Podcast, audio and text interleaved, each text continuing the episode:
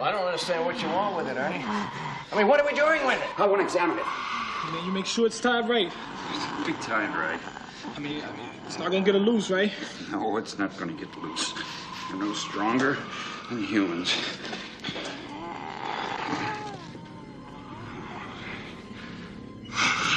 Don't be afraid. I'm busting in the damn head.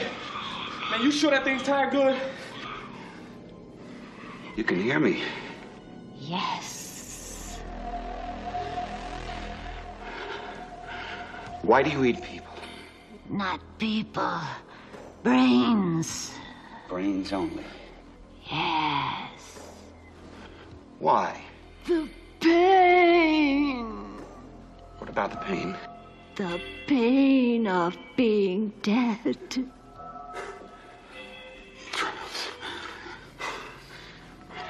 hurts to be dead. I can feel myself rot. Eating brains. How does that make you feel? It makes the pain go away.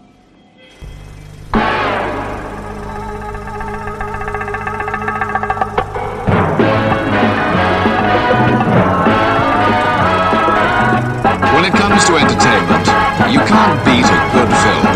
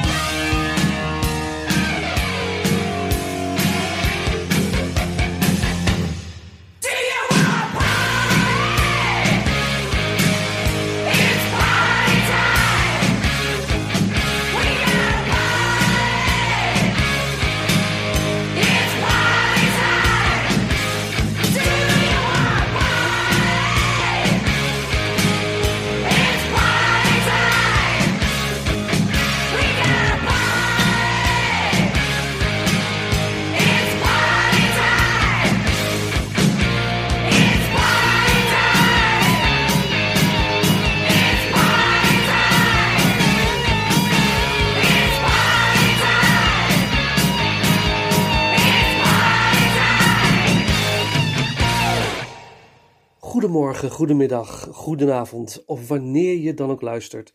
Welkom bij weer een nieuwe aflevering van Inglorious Rankers, de podcast waarin we films ranken van franchise tot filmjaar, van componist tot cameraman. Deze week neem ik jullie mee door mijn persoonlijke Return of the Living Dead ranking. Het gaat om drie films, de trilogie die in de bioscoop is verschenen in de jaren 80 en begin 90. Er zijn nog twee Return of the Living Dead films gemaakt in 2005, twee tv-films voor het Sci-Fi Channel, maar deze skip ik. Ik focus me op de classics. Voor de intro hoorden jullie een scène uit de eerste film. En na de intro het nummer Party Time van de band 45 Grave. Ook uit de eerste film. Return of the Living Dead heeft natuurlijk te maken met zombies. Er zijn tal van zombiefilms gemaakt, maar de meest bekende zijn toch wel die van George A. Romero, de Living Dead serie. Return of the Living Dead is geen onderdeel van de Romero-serie, maar staat in zekere zin op zichzelf. Ik weet al zo lang van het bestaan van deze trilogie en ben zeker een liefhebber van de Romero-franchise, maar ik had de drie Return-films nog niet eerder gezien. Nu wel. En ik was zeer blij verrast en dat maakte deze ranking onverwacht ingewikkeld. Uh, laten we voordat we naar de ranking overgaan eerst eens focussen op wat achtergrondinformatie. In 1968 verscheen er een low-budget film in de bioscoop die zou zorgen voor een ware verandering binnen het horrorgenre. De film Night of the Living Dead over de doden die tot leven komen en zich voeden met de levenden. In zwart-wit, een absolute klassieker en tot op de dag van vandaag oprecht eng. De film werd geschreven en gemaakt door George Romero en John Russo. Er waren wel eerder zombiefilms gemaakt, maar volgens Romero en Russo waren deze zeker niet eng genoeg. Omdat een zombie voorheen over het algemeen maar wat rondliep, enge geluiden makend. Uh, en zij maakten van de zombie iets levensgevaarlijks.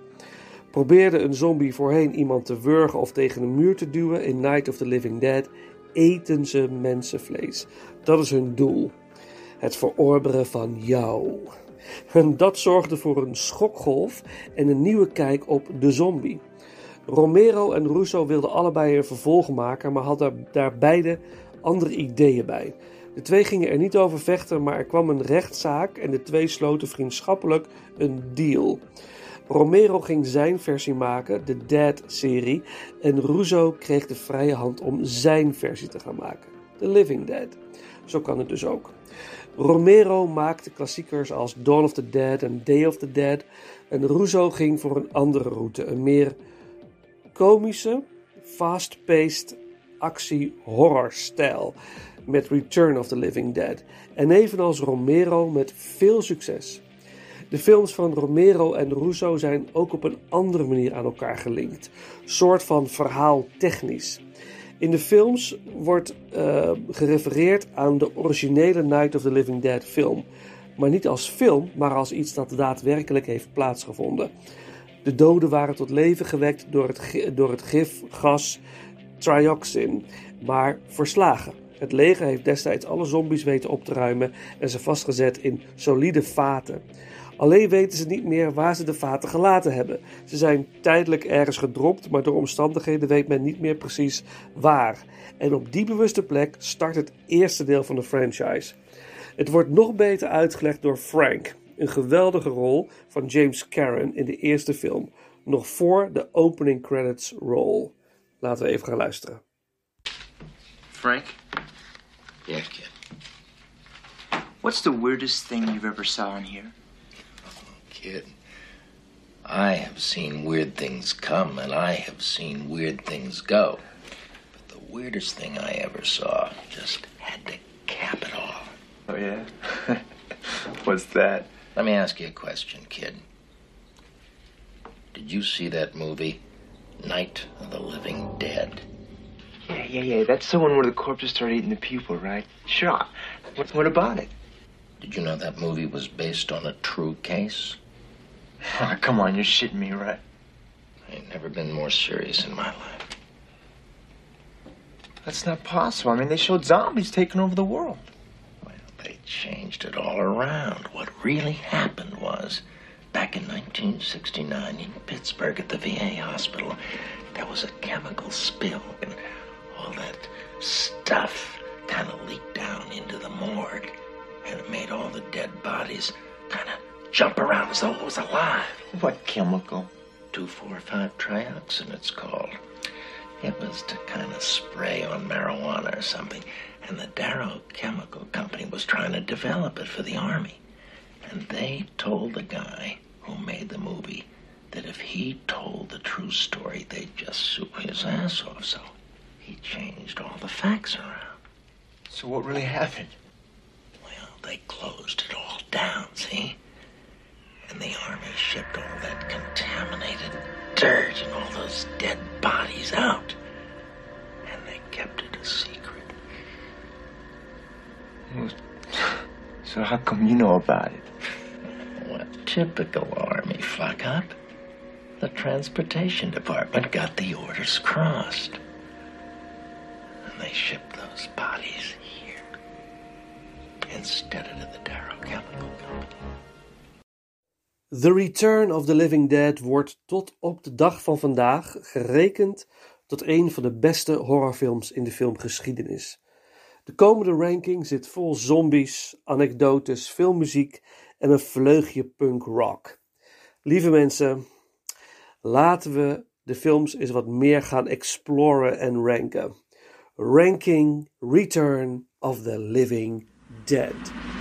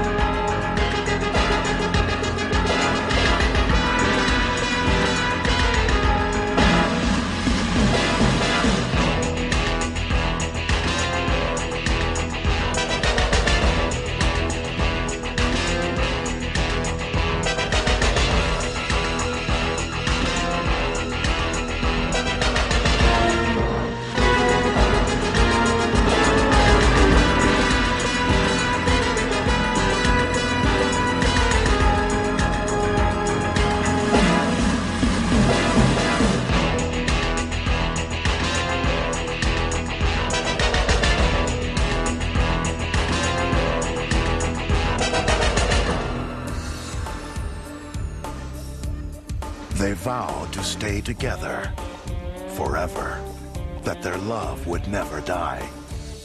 But their pledge remained untested Oh, Cool. No problem. I'm the boss's son, remember? until they went looking for a thrill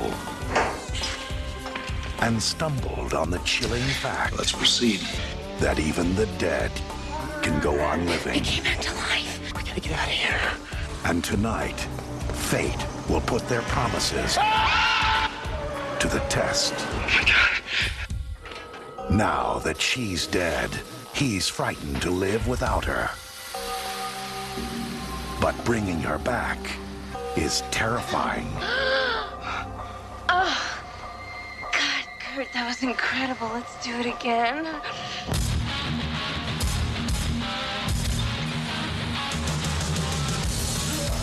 Contain it, damn it!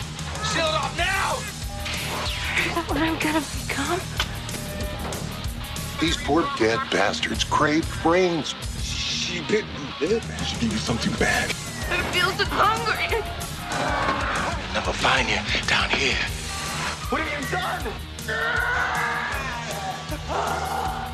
If she attacks him, he becomes like her. I just get a little confused sometimes.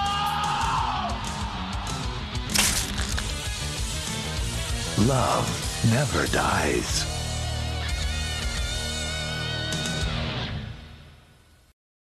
Voor de trailer hoorden jullie de main theme van de eerste Return of the Dead film, muziek door Matt Clifford. De enige keer dat Clifford filmmuziek componeerde, hij is een vaste muzikant bij Mick Jagger en keyboardspeler bij The Rolling Stones. Op nummer 3, het derde deel van The Return of the Living Dead trilogy, The Return of the Living Dead 3.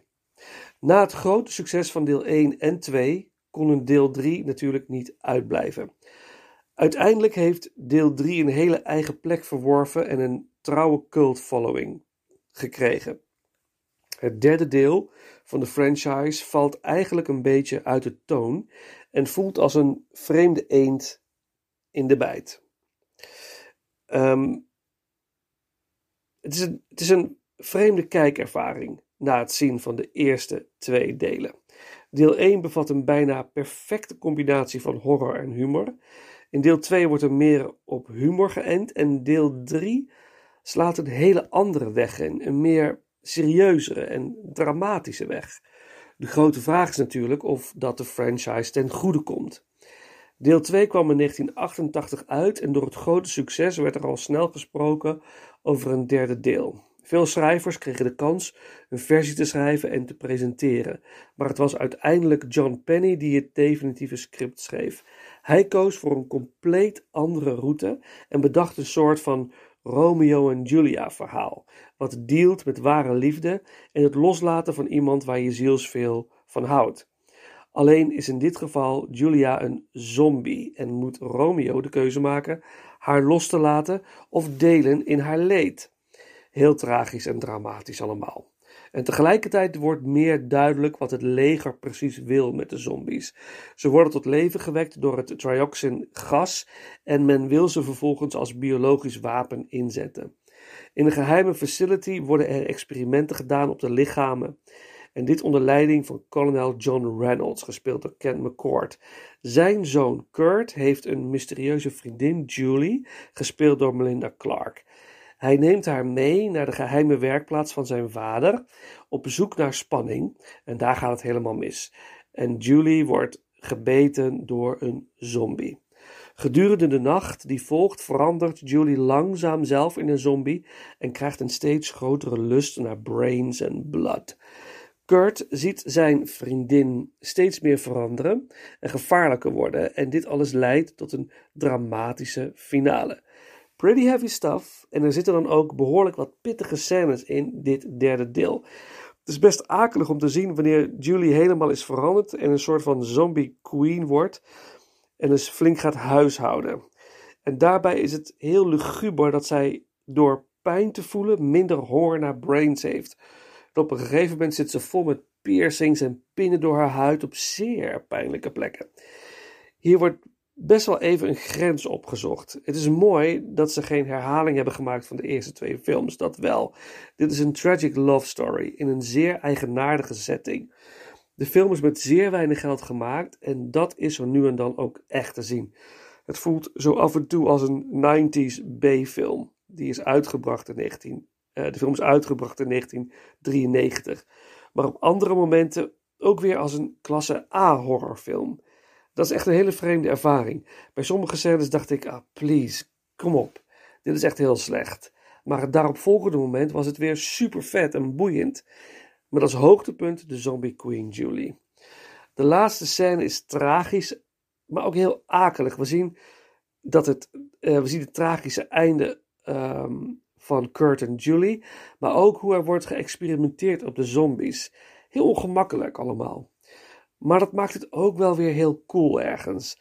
De special effects in de film zijn fantastisch. Alles natuurlijk nog practical, wat dat heerlijke, waarachtige gevoel geeft. Er waren drie special effects maatschappijen betrokken bij de ontwikkeling en ieder verzorgde een deel. Hierdoor ontstaat er een bepaalde variëteit, maar ook echt een bijzondere kwaliteit. Heel knap gedaan. De regie is in handen van Brian Yunza, die ook Bride of the Reanimator maakte en het gruwelijke The Dentist. Hij had zoveel plezier met het maken van deze film dat hij vrij snel na de opnames zijn idee opperde voor een vierde Living Dead film. Het zou zich direct na de derde film gaan afspelen op een Uh, en op een of andere manier zouden de zombies uit de facility gaan ontsnappen. Dit is er helaas, of niet, nooit van gekomen. Return of the Living Dead is vooral een succes geworden op VHS en later op DVD, want de maatschappij die de film uitbracht, Trimark, wilde na het floppen van Warlock The Armageddon geen risico lopen, waardoor de film in een beperkt aantal bioscopen werd uitgebracht. De film heeft zelfs korte tijd in Nederland gedraaid in 1994. Dit derde en wat mij betreft laatste deel van de franchise, ik reken Sci-Fi Channels eh, de delen 4 en 5 echt niet mee, is een vreemde eend in de zeker de moeite waard om te zien en ook goed genoeg voor een rewatch. Voordat we naar de nummer 2 gaan, natuurlijk een track van de soundtrack van Return of the Living Dead 3, The Main Team, door Barry Goldberg.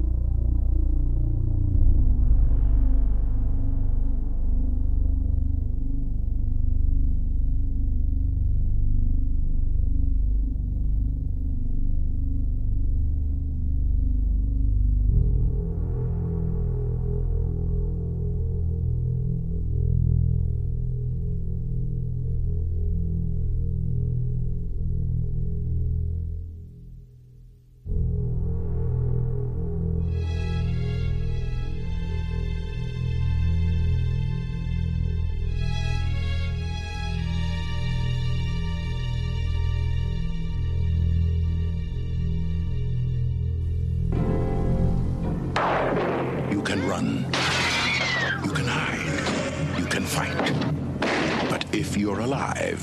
They feel it. They know it. They crave it. And they'll kill to get it. Just when you thought it was safe to be dead. Return of the Living Dead, Part 2. Rated R. Starts Friday. Check newspapers for theaters and showtimes. De nummer 2 is voor deel 2. Simpelweg getiteld Return of the Living Dead 2. Het vervolg dat door het grote succes van deel 1 er natuurlijk moest komen. Toch was er veel weerstand. De regisseur van de eerste film weigerde om mee te werken aan het vervolg, omdat naar zijn idee de eerste film een op zichzelf staande sequel was op Night of the Living Dead uit 1968. Hij wilde niets weten van nog een sequel. De filmstudio, die miljoenen had verdiend aan de eerste film, dacht hier toch echt anders over. Een deel van de oude crew wisten ze bij elkaar te sprokkelen om deze tweede Return of the Living Dead te maken. Deze tweede film in de franchise is flink verguisd door de jaren heen. Het is een redelijk succes geworden, maar echte fans van de eerste film konden het moeilijk waarderen. Deze tweede film is ook meer een comedy dan een horrorfilm. Had de eerste nog de perfecte combinatie te pakken, ligt het, in, ligt het comedygehalte in deel 2 veel hoger. Dit maakt de film wel toegankelijker voor een jonger publiek, wat resulteerde in een hele eigen fanbase. Kinderen uit de jaren 80, 90 die de film op VHS huurden, vonden de film bloedje eng en hielden ervan. Tot op de dag van vandaag zijn er heel veel mensen op de wereld die de tweede film beter vinden dan de eerste. Ik zag de franchise echt voor het eerst en voor mij is deel 2 zeker niet zo goed als deel 1. Beter dan 3, maar zeker niet beter dan 1. In het tweede deel is het weer de schuld van het leger dat de doden tot leven komen. Op een stormachtige avond vervoeren een aantal legertrucks de vaten met daarin het trioxin gas en de zombies naar een geheime militaire basis. Echter is een van de chauffeurs niet zo oplettend en hij verliest een vat. Dat valt in de rivier en drijft weg. En de volgende morgen is de kleine Jesse, op een, een kleine jongen op de vlucht voor twee pestkoppen, Billy en Johnny. En Jesse verstopt zich onder een brug, maar wordt al snel door de pesters gevonden. Ze vinden niet alleen elkaar, maar ook het verloren vat. En ze slepen Jesse weg naar de nabijgelegen begraafplaats en sluiten hem op in een mausoleum. Teruggekomen bij het vat openen Billy en Johnny het vat, het gas komt vrij en de kinderen ademen het in. En je kunt je wel voorstellen wat het gevolg is daarvan. Niet lang daarna breken dief Ed en zijn neefje Joey, gespeeld door dezelfde acteurs uh, als in deel 1, daar straks meer over, maar dan in een andere rol, aangezien ze sterven in de eerste film. Ze breken in bij het mausoleum. Jesse, die daar opgesloten zit, kan ontsnappen, maar het gas is inmiddels verspreid en in het mausoleum komen de eerste doden uh, tot leven. Um, uit, uh, en ook uh, in de omringende graven.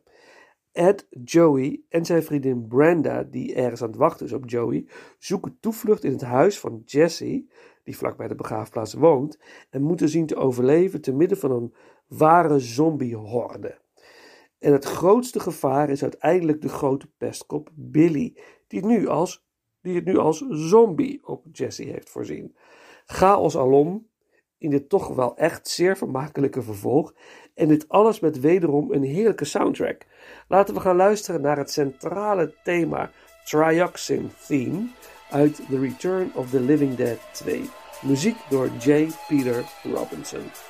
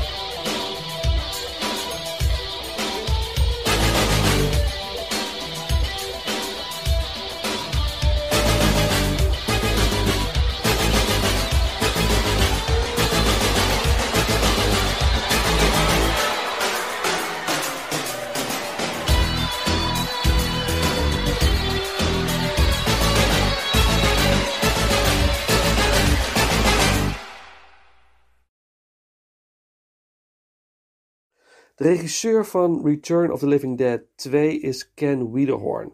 Een man die veel horrorwerk op zijn naam heeft staan, maar eigenlijk helemaal geen liefhebber is van het genre. Wellicht is dat ook mede de oorzaak dat deze tweede film absoluut niet de impact heeft van het origineel. Tijdens de opnames was hij vaak ook niet te genieten en inspiratieloos. En dit had natuurlijk ook uitwerking op de crew, die zich ook begonnen af te vragen waarom ze überhaupt nog op de set zouden verschijnen. Wiederhorn wilde ook na de opnames van deze film niets meer te maken hebben met het filmen van horror. Ware het niet dat na de release van de film hij talloze aanbiedingen ontving voor het regisseren van horrorfilms. Er wordt te veel geleund op de comedy in deze film, maar daarentegen zijn de special effects fenomenaal. Wat een genot om naar te kijken. En je wordt ook nog eens getrakteerd op de nodige gore. Leuk detail, aan het einde van de film verschijnt er een Michael Jackson zombie clone. Uh, Jackson thriller lookalike. En dit is wel geinig als je je mee laat voeren door de toon van de film. Kun je dat niet, zou je dat kunnen zien als goedkoop scoren. Ik vond het wel leuk. Vooral nu ik weet dat deze gag spontaan ontstaan is tijdens de opnames. Een van de acteurs, Brian Pack, die ook een grote rol speelde in de eerste film en een minirol heeft in de derde, zag een van de figuranten lopen met een replica van het beroemde Jackson thriller jasje. Hij vroeg haar of hij het even mocht lenen. Hij verdween ermee samen met een make-up artist en liet zichzelf vervolgens zien als Zombie Jackson aan de regisseur. Die wilde hier niets van weten, maar uiteindelijk tijdens het filmen wenkte regisseur uh, Peck en deze sprong simpelweg in beeld, deed een paar Jackson moves en verdween. One take het belandde uiteindelijk in de film en is iconisch geworden. Fantastisch hoe spontane en gekke ideeën soms een geweldige uitwerking kunnen hebben. Uiteindelijk werd de film redelijk goed ontvangen. En wat ik al eerder zei, voor een hele generatie een van de favoriete horrorfilms. Voordat we naar de nu wel duidelijke nummer 1 gaan, nog zo'n lekkere track van de soundtrack van Return of the Living Dead 2, het 80s rock nummer Flash to Flash door Lama.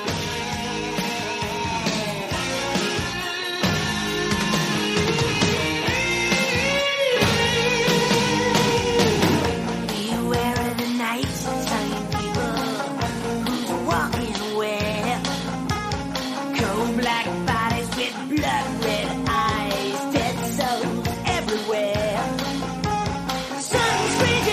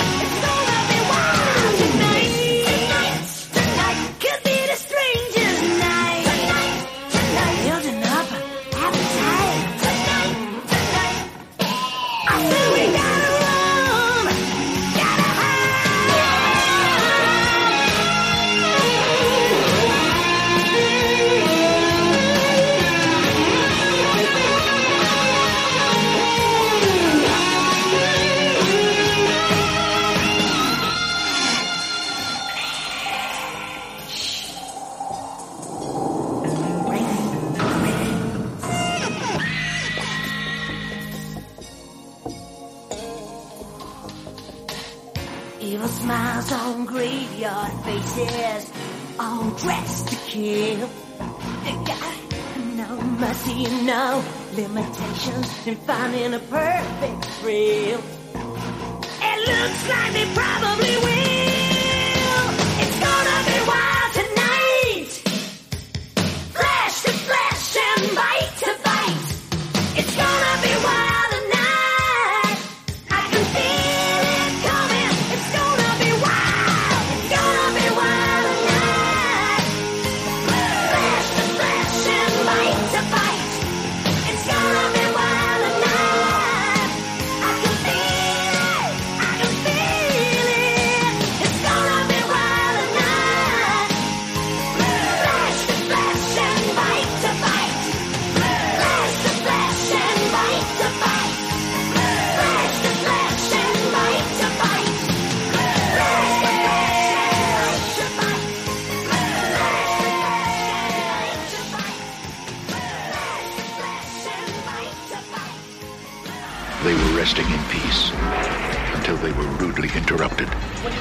Are you gonna do, Scud? Sit on the gravestones? Just want to party. This place is a mess. Now look who's awake. They're on the way. Break! They're back from the grave and ready to party. I, I think things are getting out of hand. The Return of the Living Dead. Rated R.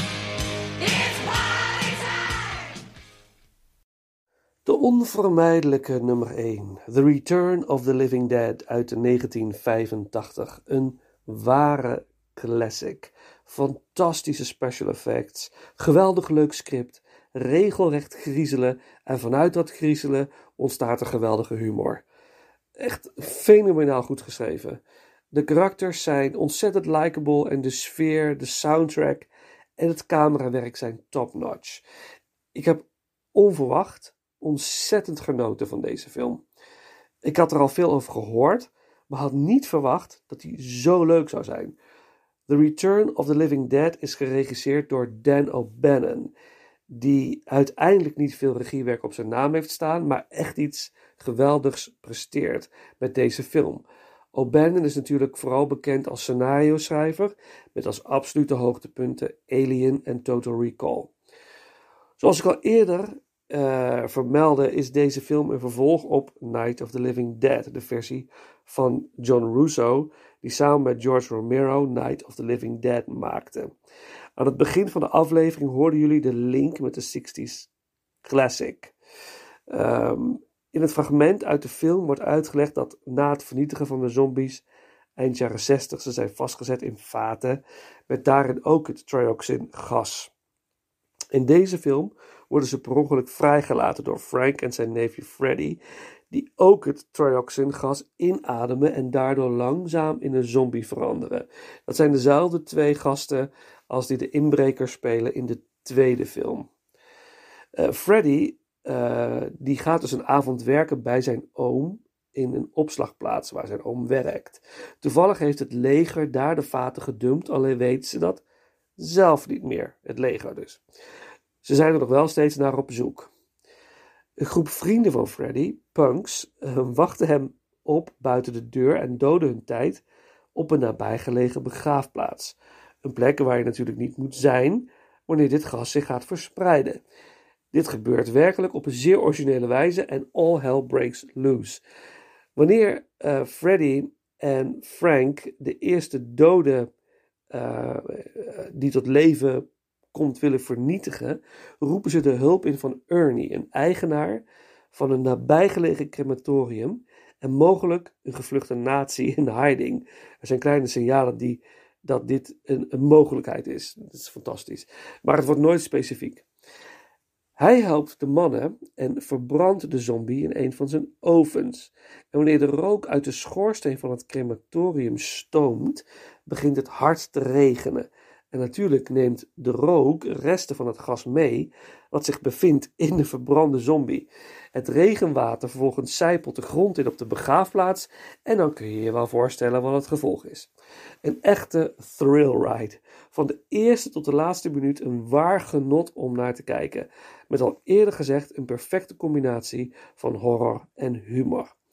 Ik heb weinig films in het genre gezien die dit zo sterk in balans hebben. Echt geniaal. De karakters zijn ook allemaal likable en op een bepaalde manier onvergetelijk. De film is uitgebracht in 1985 en de soundtrack is dan ook echt ethisch. Omdat, het een groot deel, omdat een groot deel van de personages jonge punks zijn, worden we getrakteerd op, op echte ethisch punk rock. Laten we luisteren naar een nummer van de soundtrack. De band TSOL met het nummer Nothing for You. Or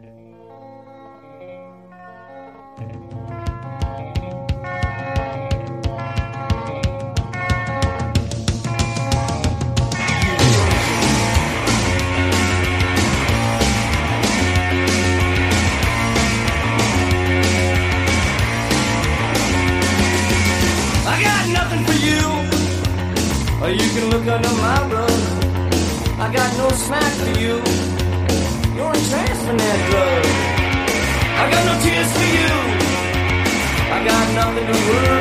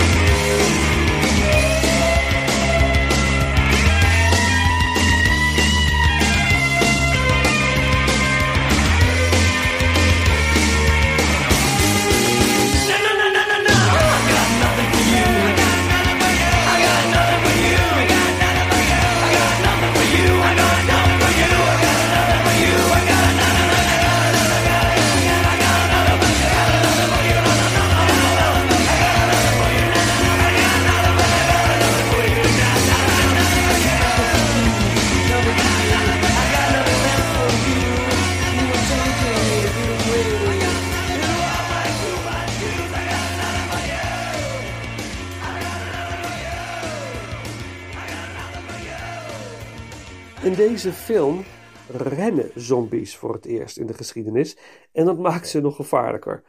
Ook is wat ze het liefst willen hersenen eten. Ze roepen er ook echt om. Ze zijn ook heel slim, want wanneer de overlevenden van een eh, wanneer de overlevenden eh, een ambulance bellen, terwijl ze nog niet weten dat er tientallen zombies op de loer liggen, en de ambulancebroeders worden opgevreten, loopt een van die zombies naar de radio in de ambulance, zoekt contact met de centrale en vraagt om nog een ambulance. En zo ook met de politie die later arriveert.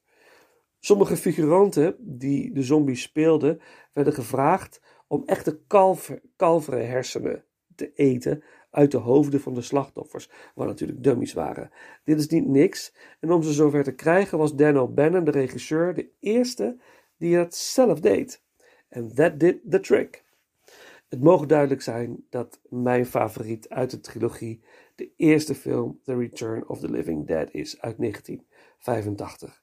Heb je hem nog niet gezien? Doe jezelf dan een plezier en ga deze classic bekijken. Ik ga er niet veel meer over vertellen. Je zult er geen spijt van krijgen. Wil je nog meer weten over de franchise aan background informatie? Op YouTube zijn een aantal hele fijne documentaires te vinden. Deze nummer 1 brengt ons bij het einde van deze aflevering van Inglorious Rankers. Ik hoop dat jullie er weer van genoten hebben. Ik in ieder geval wel. Ehm, wat is jouw Return of the Living Dead ranking? Laat het me weten. Deel het via de bekende social media kanalen. En als je even tijd en zin hebt, laat een review achter, zodat eventuele nieuwe luisteraars ons makkelijker kunnen vinden. Volgende week ook een trilogie. Ook een ware classic en een genot om te herzien. Volgende week is het ranking Back to the Future. Deel met me jouw Back to the Future ranking. Ik ben heel benieuwd.